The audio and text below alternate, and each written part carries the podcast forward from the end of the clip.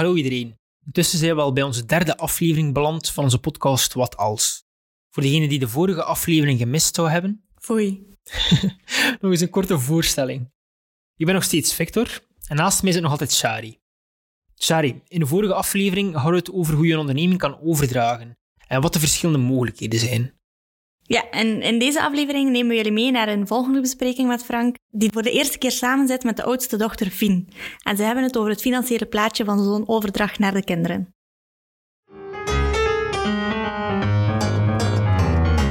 Dag Martien, dag Charlotte. En ik zie ook een nieuw gezicht. Dag Fien. Hey, dag Frank. Het is eh, lang geleden dat we elkaar nog gezien hebben. Ja, Frank, we dachten dat het misschien interessant kon zijn voor Fien om eigenlijk ook de bespreking bij te wonen. Aangezien dat ze eigenlijk toch heel dicht bij ons bedrijf staat. Hè. Ja, en je weet nooit, hè. misschien kan zijn vader op zijn oude dag wel nog iets bijleren over zijn eigen bedrijf. Papa. Ehm, Oké, maar vertel eens, waar gaan we mee beginnen, Frank? Ja, zeg een keer Frank, wat is ons bedrijf nu eigenlijk waard? Waarvoor hebben Martien en ik nu heel, heel ons leven gezwoegd, want daar zijn we hier voor vandaag. Hè. Weet wat dat we waard zijn.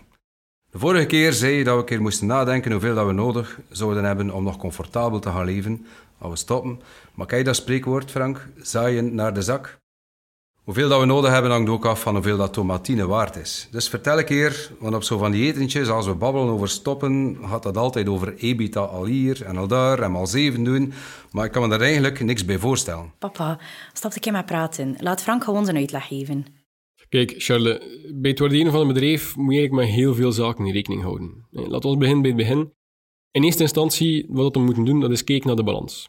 Aan de linkerzijde van de balans staan al de bezittingen van het bedrijf. Aan de rechterzijde vind je enerzijds de schulden terug, maar anderzijds ook het eigen vermogen. Of, met andere woorden, de middelen waarover dat bedrijf beschikt. Hoe beter dat bedrijf draait, hoe meer waarde dat creëert en hoe meer eigen vermogen op de balans. Tot daar zit je mee, hè? Ja, ja. Dus als we kijken naar tomatien, dan is de eerste vraag, ja, wat is dat eigen vermogen? En hoe komen we daaraan?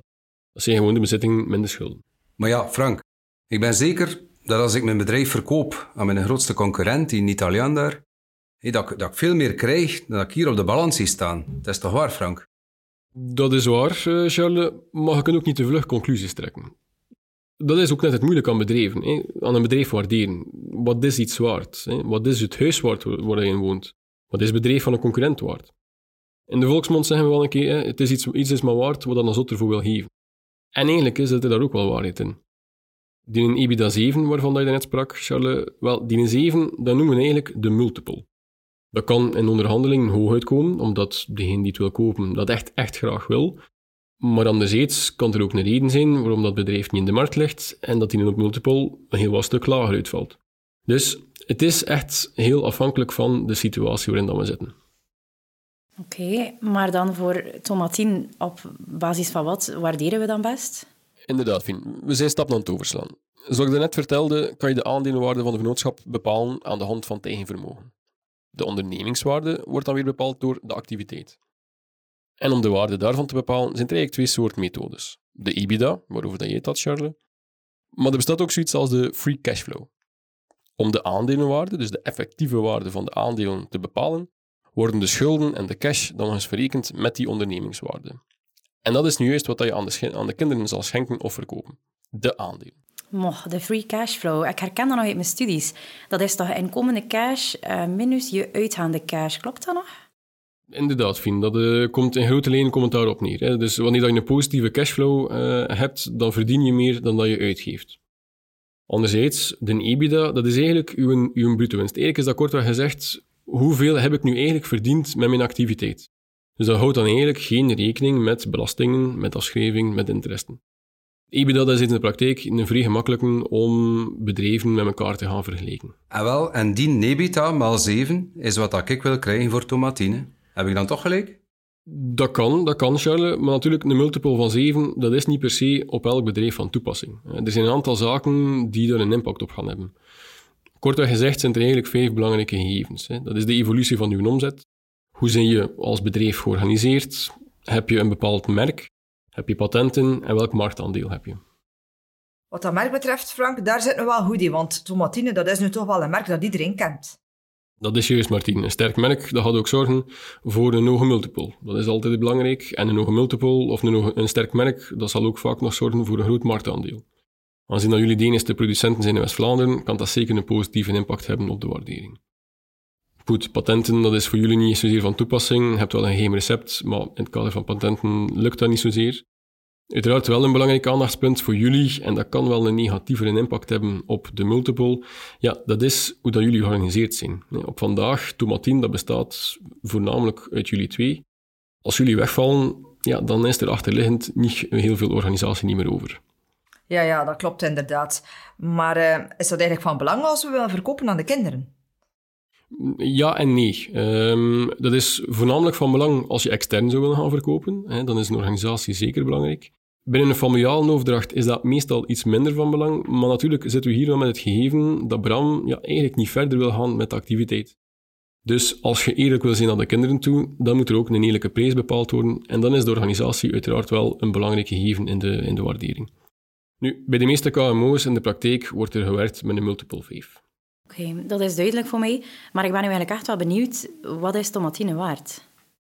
Ja, ja, natuurlijk bij een overdracht, zoals dat hier bij jullie het geval is, dan gaan we eigenlijk vaak aan de hand van twee methoden gaan werken. Enerzijds, zoals ik net gezegd heb, het eigen vermogen, maar anderzijds ook de aandelenwaarde op basis van de activiteit.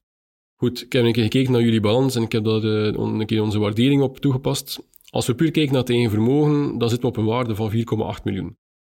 Als we echter kijken op basis van de EBITDA maal 5, dan komen we uit aan een waarde van 5,5 miljoen. Doen we de stok in 2, dan komen we eigenlijk uit aan een, finale aandelenwaarde van 5,15 miljoen.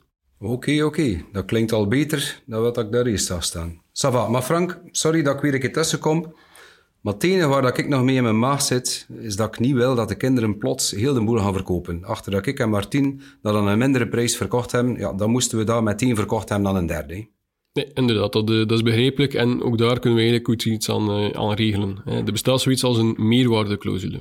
Dat houdt eigenlijk in dat wanneer je de aandelen verkoopt of schenkt aan de kinderen, en zij zouden dat binnen een bepaalde termijn doorverkopen met een grote meerwaarde, ja, dan hebben jullie eigenlijk nog recht op een stuk van die meerwaarde. Stel natuurlijk inderdaad dat de kinderen dat geschonken kregen met een grote winst, dan is dat eigenlijk gerealiseerd door jullie harde werk.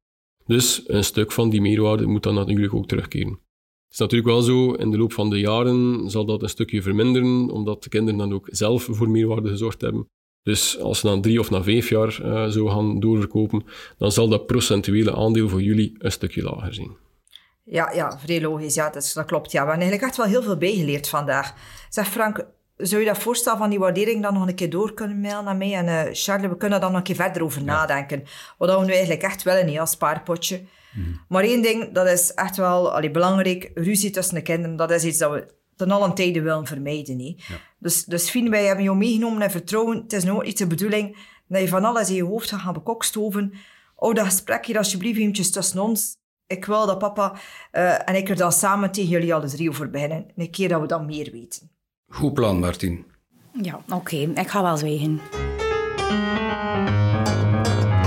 Voilà, nu weten we het. Tomatine is toch wel een mooi bedrag waard, maar om daar naartoe te komen heb ik toch wel een paar termen gehoord waarvan ik dacht... Uh... Ja, inderdaad. De waardering van een bedrijf is inderdaad iets zeer complex. En er kan ook heel veel discussie over ontstaan. Maar toch bestaat elke waardering uit een aantal basisprincipes. Ik zal ze anders nog eens overlopen. Allereerst heb je de ondernemingswaarde van een vennootschap. Dit is de waarde van de activiteit en deze wordt vaak bepaald aan de hand van een multiple. Die multiple wordt beïnvloed door verschillende zaken, waaronder de omzet, de organisatie, eventuele merken en patenten en het marktaandeel. Daarnaast heb je ook de aandelenwaarde. Deze kan overeenkomen met het eigen vermogen of kan bepaald worden op basis van de ondernemingswaarde, die dan wordt verrekend met schulden en beschikbare cash. Concreet betekent het bezittingen min schulden. In de praktijk wordt eigenlijk vaak gewerkt met een EBITDA maal 5, of een waardering via free cashflow. En daarnaast hangt ook veel af van de reden waarom je de waardering opmaakt. Wil je je bedrijf verkopen aan een derde, of wil je het bedrijf verkopen aan je kinderen? Want dat is eigenlijk vaak een totaal andere insteek. Ook al wil je bijvoorbeeld nog voldoende comfortabel leven, weinig ouders willen echt het onderste uit de kan halen in geval van een overdracht aan hun kinderen. Maar aan de andere kant wil je natuurlijk ook wat in ruil krijgen voor het jarenlange werk dat je stopte in je onderneming. In zo'n geval kan een meerwaardeclausule daarbij een handig instrument zijn. Ah, ja, ja. Maar hoe stel je nu iedereen tevreden in dergelijke familiale overdrachten? Hoe ga je iedereen zijn rol gaan bepalen in het verhaal? En stel dat er geen sprake is van schenking, hoe ga je als kind zo'n overname financieren? Waar haal je de nodige middelen? Kom meer te weten in onze volgende aflevering van de podcast Wat Als. Een podcast van Titica, voor en door ondernemers. Roept deze aflevering vragen bij je op over hoe je de familiale opvolging binnen jouw bedrijf aanpakt? Surf dan naar titica.be slash familiale opvolging en vraag een gesprek met onze pro-experts.